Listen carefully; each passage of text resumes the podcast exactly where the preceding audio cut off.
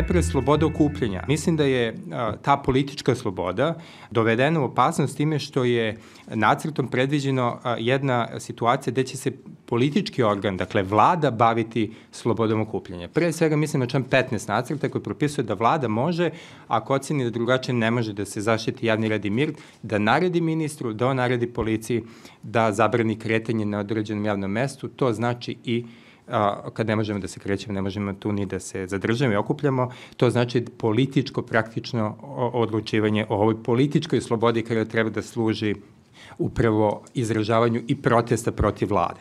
A, drugo pravo, dosta komentarisano, je nepovredivo stana. Nacrt a, preširokim tumačenjem izuzetka, dakle, a, za ulazak i pretres stana bez naredbe suda, može direktno da dovede do kršenja ovog ustavom zajemčanog prava znamo na što se odnosi, dakle, preširoko tumačenje neposredne ozbiljne opasnosti po ljudi imovinu. Sledeće pravo je pravo na slobodu i bezbednost ličnosti i sloboda kretanja. Na prvom mestu imamo preširoko postavljene uslove za ograničenje i neodređeno trajanje a, jednog vida zadržavanja bez odluke.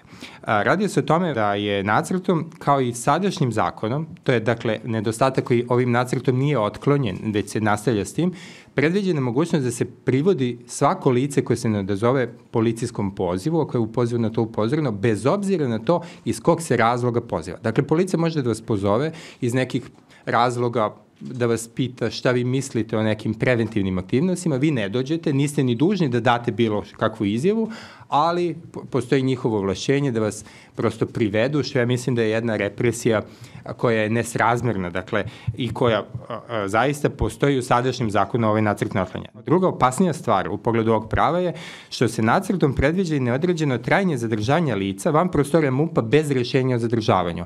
A, mislim da član 81, nisam siguran, kaže da to zadržanje može da traje dok se pretresanje ne završi. Sad zamislite pretresanje nekog velikog objekta, gde policiji će trebati dani možda da to radi i vi bez rešenja po nacrtu, po čitanju i tekstu nacrta možete tamo da budete zadržani bez rešenja, dakle bez odluke, a vrlo upitno i kako bi se druga jemstva i druga ovaj, prava ostvarila tokom tog trajanja, ovaj, zadržavanja. Sledeće je zaštita od torture.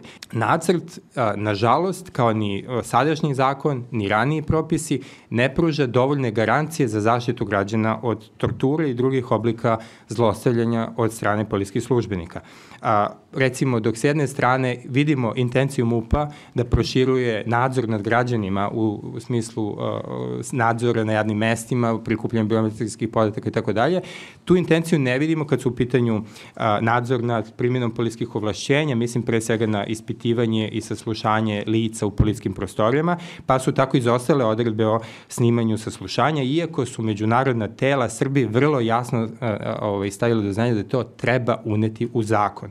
Druga stvar, drugi aspekt ovog prava je nekažnjivo službenika, kratki rokovi zastarelosti za dela torture, a, nije zakonom propisana obavezna suspenzija i otkaze za službenike koji su odgovorni za te dela i tako dalje i a, već sam isto više puta pomenuo prisustvo lica od poverenja koje je vrlo važno takođe jemstvo između ostalog i za zaštitu građana od torture. I a, ostale su još dva prava, evo, to su pravo na privatnost, dakle lični i porodični život, zaštitu podaka ličnosti, medijske slobode, nesrazmjerno zadiranje ova prava, ne neselektivno i masovno prikupljanje biometrijskih podataka i u realnom vremenu na osnovu nepreciznih kriterijuma za obradu a, vršenje bezbednosti provera, dakle to je rak rana i sadašnjeg zakona i već dugi unazad u ovom društvu, dakle a, zakon kaže koji se podaci prikupljaju, pa su njima telefon, e-mail, podaci o našim srodnicima, a smetnja postoji bezbednostna i kad se, se mi navikama, sklonostima i ponašanjem pokaže da nismo dostojni recimo da prođemo proveru, a kako se to vrši, propisat će ministar. Način obrade podataka ličnosti i radnje obrade moraju biti propisane zakonom. Imamo još jedna tačka vrlo moguće neustavnosti, ako smem da se usudim da ocenim već sad. I poslednja stvar, pravo na obaveštenost, odnosno na primjenji davanja informacija i slobode izražavanja. Mislim da se to dovodi u sivu zonu, propisivanje toga da će građani a, da će objavljivanje podataka o identitetu moći da se objavljuje u skladu, a, da vrši u skladu sa zakonom o javnom informisanju i medijima. Nije ovde samo pitanje javnog informisanja i medija, ovde je pitanje slobode izražavanja i s druge strane naš propis koji uređuje ovo pitanje a, pruža medijima i novinarima to pravo, a mi građani nismo mediji, društvene mreže gde mi možemo i treba da objavljujemo situacije gde recimo neki službenik krši zakon, isto nisu mediji, iako mislim da ova norma neće dovesti do zabrana, će definitivno neke građane da odvrati zato što neće biti sigurni da li imaju ili nemaju pravo da snimaju policajca recimo koji krši zakon ili se na neki drugi a, nezakoniti ili neprofesionalan način postupa a, prema građanima. Šta predviđa novi nacrt? Pre svega, kada je snimanje e, javnih prostora u pitanju, znamo se radi o sistemu koji ima 8000 e, vrlo ozbiljnih kamera.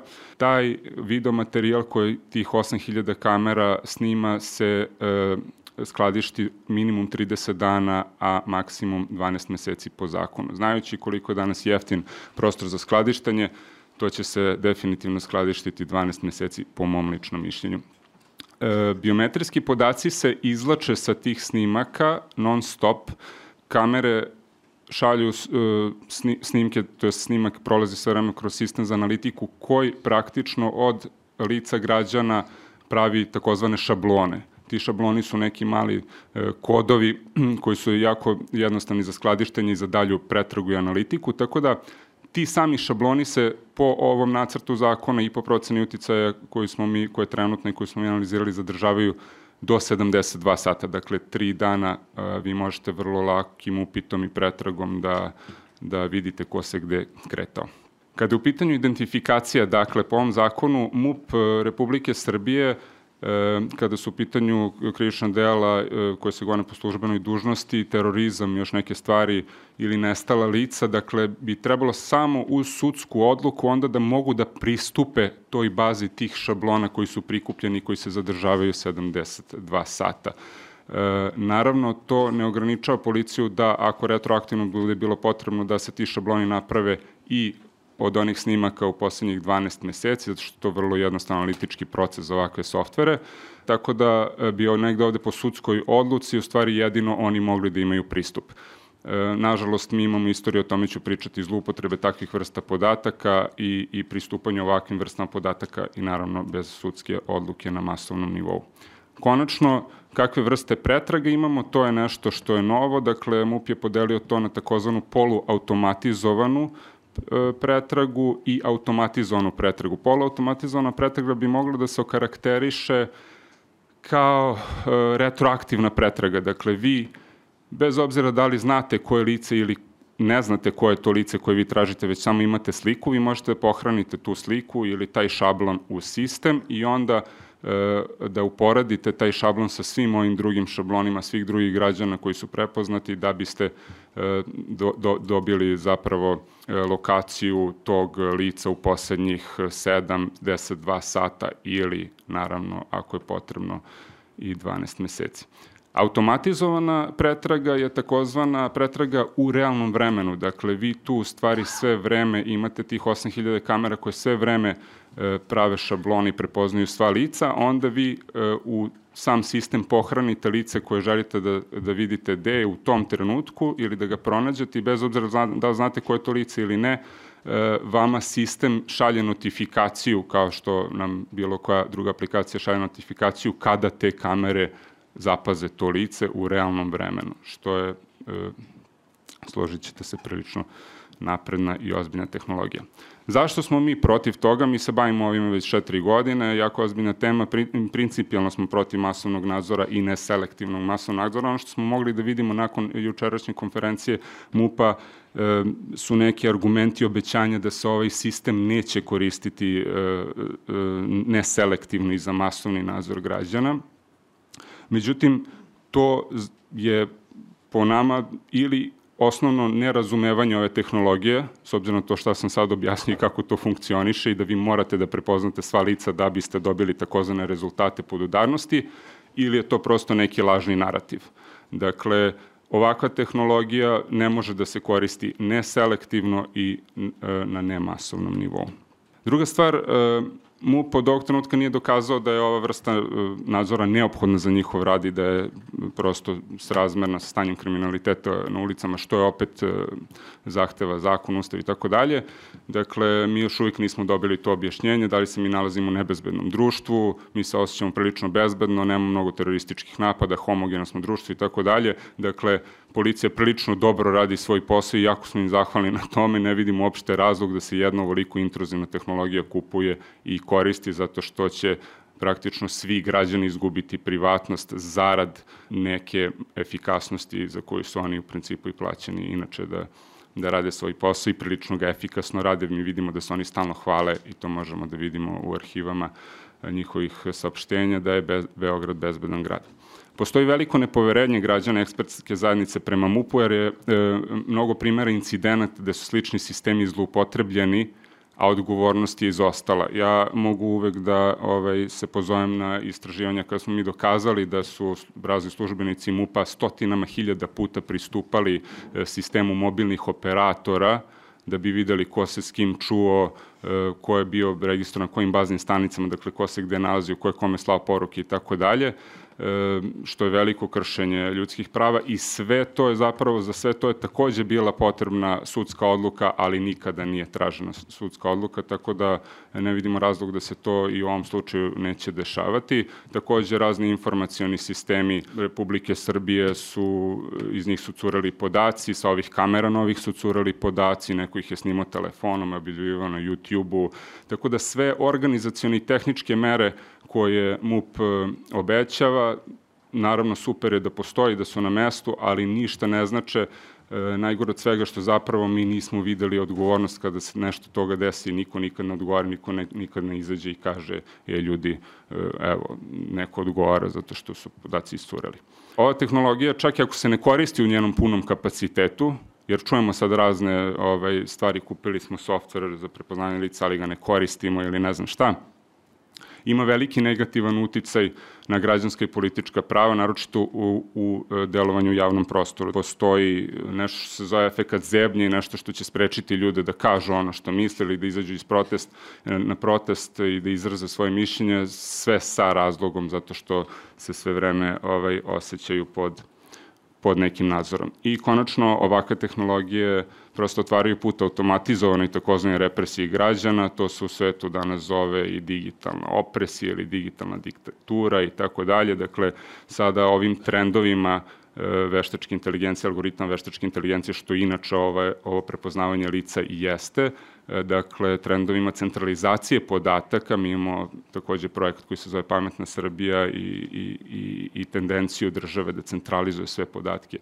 koji ima o građanima, vi možete radite različite vrste manipulacija, da imate ovde još jedan samo sloj nadzora na već postojećem sloju digitalnih, digitalnog nadzora i velikog broja informacija koje imate o građanima. Tako da vi sada, ako imate protest, vi možete prosto da prepoznate lica svih ljudi koji su na protestu, da ukrstite to sa bazom, na primer, E, zaposlenih u javnoj upravi, tako da svi ti zaposleni koji su bili sutra prosto, prosto budu pozvani na neki razgovor. Možete da ukrstite to sa bazom Agencije za privredne registre, tako da, na primer, svi koji su bili na protestu sutra dobiju nekog, neki vanredni inspekcijski nadzor ukoliko su preduzetniki ili, ili su e, pravno lice, onda možete prosto da radite stvari kao što su e, manipulacija, e,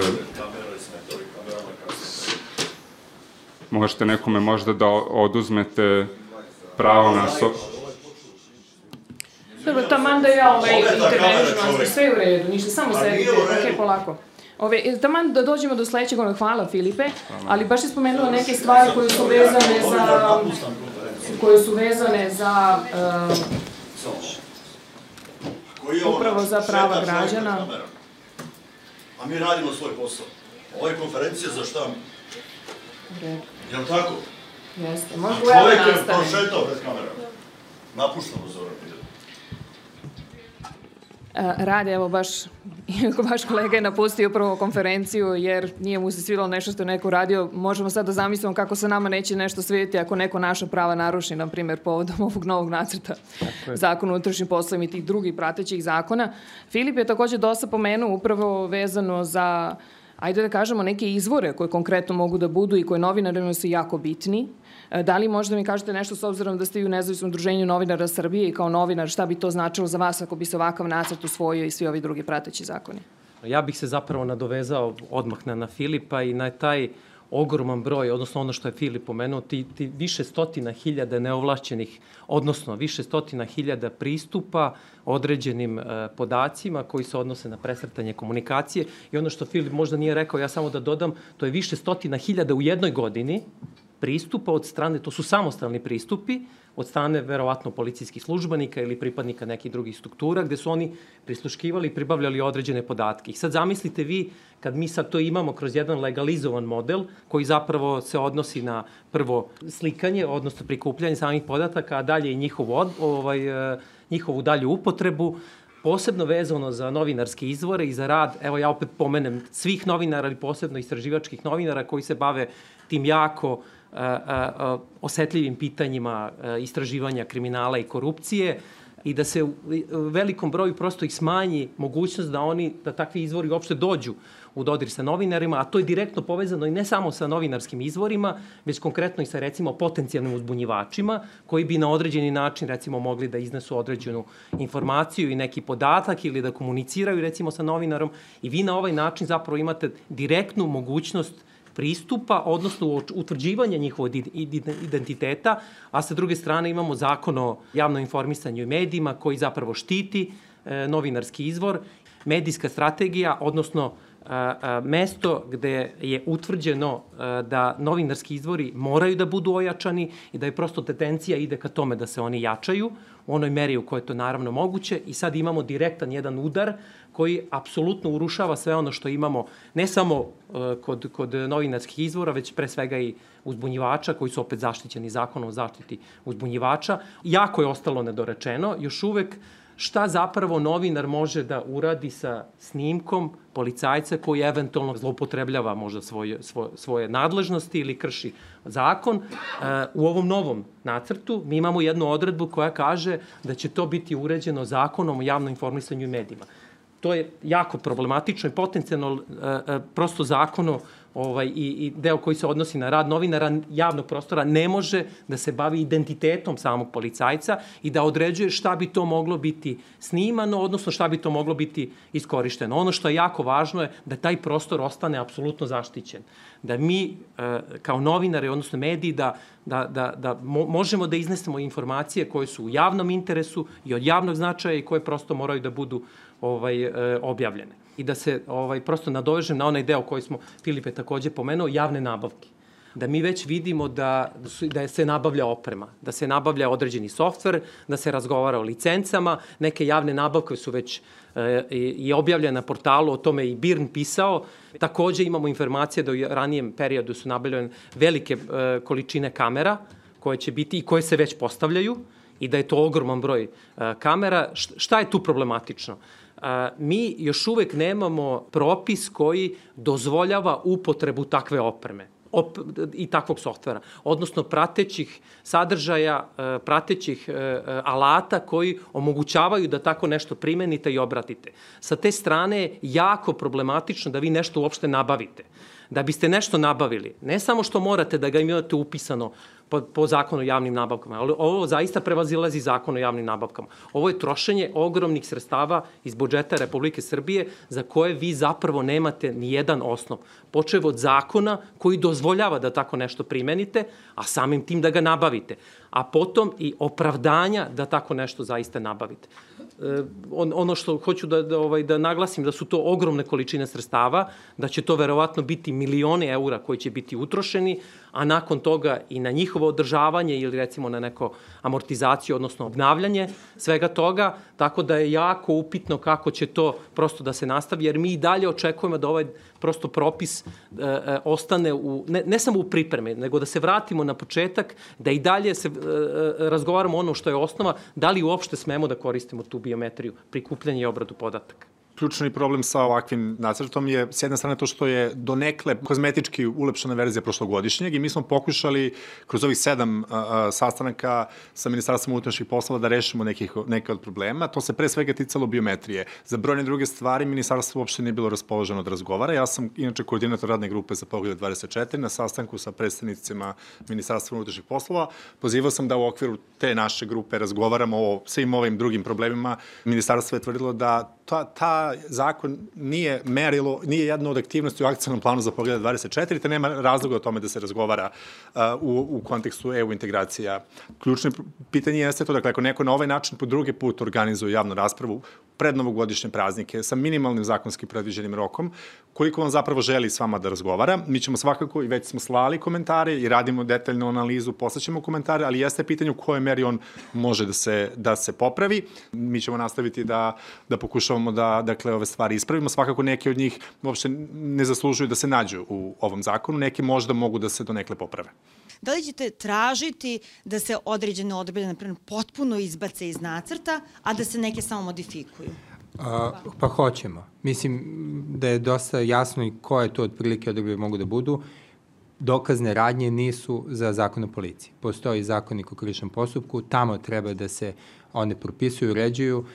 Duplo normiranje nije dobro, mislim na ulazak i pretres stana. Dakle, ako se ostaje u okvirima ZKP-a, ne sme da se proširuje uslov, dakle to, to su odredbe za koje ćemo da tražimo brisanje, za neke ćemo tražiti korekcije, tražit ćemo i da se neke stvari dodaju, mislim i na a, ovu, a, s, a, ova pitanja oko torture, dakle tu ima stvari koje treba dodati. Tražit ćemo i da MUP objasni neke stvari, jer obrazloženje nacrta nije dobro. Za većinu ovih spornih stvari obrazloženje ne sadrži nikakvu argumentaciju. Su, to suštinski nije obrazloženje. Oni prepišu šta piše u nacrtu i eventualno ko dodaju još neku reč. Dakle, to nije. Mora da postoji neka analize, neki, a, a, nekog sadašnjeg i dosadašnjeg rada i, i, i a, normi da bi se videlo zašto se nešto menja. Dakle, ne sad sprovodimo eksperimente pravne, pa menjamo, neće sad više ministar, da ćemo vladi. Zašto vladi? Dakle, mora da se to objasni. I ono što je isto važno, ja mislim da mi treba da čujemo njih na javnoj raspravi. Dakle, ja mislim da je vrlo važno da mi postavimo pitanja. Jedno od pitanja, recimo, nekako se čulo u javnosti da se ovde želi veća profesionalizacija rada policije. Ali to se iz ovog nacrta ne vidi. Mi imamo slabog direktora policije u nacrtu i jakog ministra.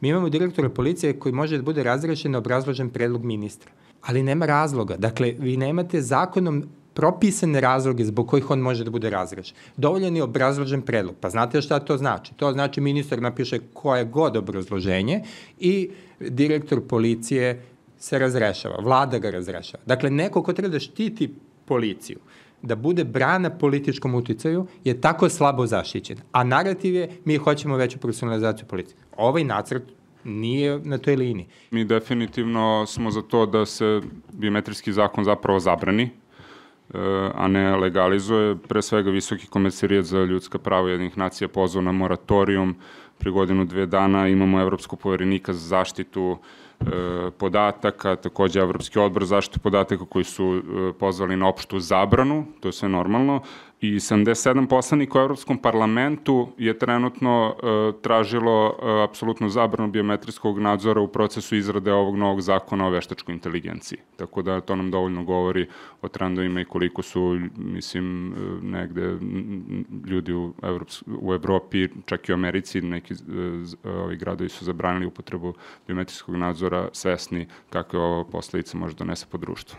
Mi moramo da insistiramo na kvalitetu ovog zakona. To je nešto što je i standard iz ugla ljudskih prava, dakle da norme budu precizne, da budu jasne, da budu predvidljive, da ne budu kaučuk uh, norme, kao ova sa ulaskom i pretresom stana, da vi više ne možete da shvatite uh, koji je uslov. Dakle, narušeno poverenje građana, ovo čemu su pričali Filip i Rade, mnogobrojne situacije gde niko nije odgovarao za iznošenje podataka, davanje raznim listovima, tabloidima, za razna kršenja ovaj, druge vrste, nereagovanja policije, maltretiranja ljudi na protestima i tako dalje, prosto je logično da građani, ako te situacije nisu rešene, nemaju nikakvu veru u to da će njihovi biometrijski podaci da zaista budu zaštićeni. Dakle, oni nas stalno upoređuju sa Londonom, Britanijom, ne znam kojim još zemljama, ali ja ne znam da li je tamo moguće biti i ostati a, direktor policije i ministar a sve preživeti ovo što su, što su mu podogađalo. A, I da prosto mi smo društvo gde se ostavke nude, a gde se ne daju. I prosto jasan nam je taj društveni kontekst i zato mi nemamo poverenje u to da će naši podaci biti čak i ako budu i srazmerno prikupljani, da će biti zaštićeni. Definitivno ovo što Vladica rekao, imali smo toliko problematičnih situacija, tako da ne znam, od Šodroša, situacije u Šapcu, julskih protesta 2020. godine. Dakle, ako vas je jednom ujela policijska zmija i od komunalnog ušara će da se plašite. Mi smo sada u toj zaista situaciji i uvijek je bolje da budemo više na oprezu i da opet možda i, i kako kažu u MUP-u i zlonamerno i pogrešno protumačimo, nego da dozvolimo da, da se negde u tom čitanju zakona izgube naše prave slobode. Ja sam narodni poslanik, pa evo da pitam prvo da li je u redu da mi ja postavim par pitanja vezano za Hvala. Naravno, moje ime Aleksandar, kako želite, ovo je, moje ime, mislim, javno da, da, što Moje ime je Aleksandar Jerković. A, prvo pitanje koje imam za vas, odnosno za gospodina Miloševića, koji se bavio tehnologijom, a, ukoliko počinilac pokrije lice nekim šalom, stavi naočare, kako u tom slučaju deluje ta biometrija, odnosno mi ovde zapravo pričamo o kontroli lica koji su, koja su spremna za izvršenje nekih krivičnih dela. Pretpostavka je da ukoliko, ovo je čisto logično pitanje, ukoliko se, ne znam, sad ja spremam za pljačku banke, da ću ja imati nekakvu zaštitu na licu kako taj sistem ne bi mogao da me prepozna, pa samim tim se postavlja i pitanje smislenosti ovaj, ovog celog sistema koji je zapravo i usmeren na počinioce krivičnog dela.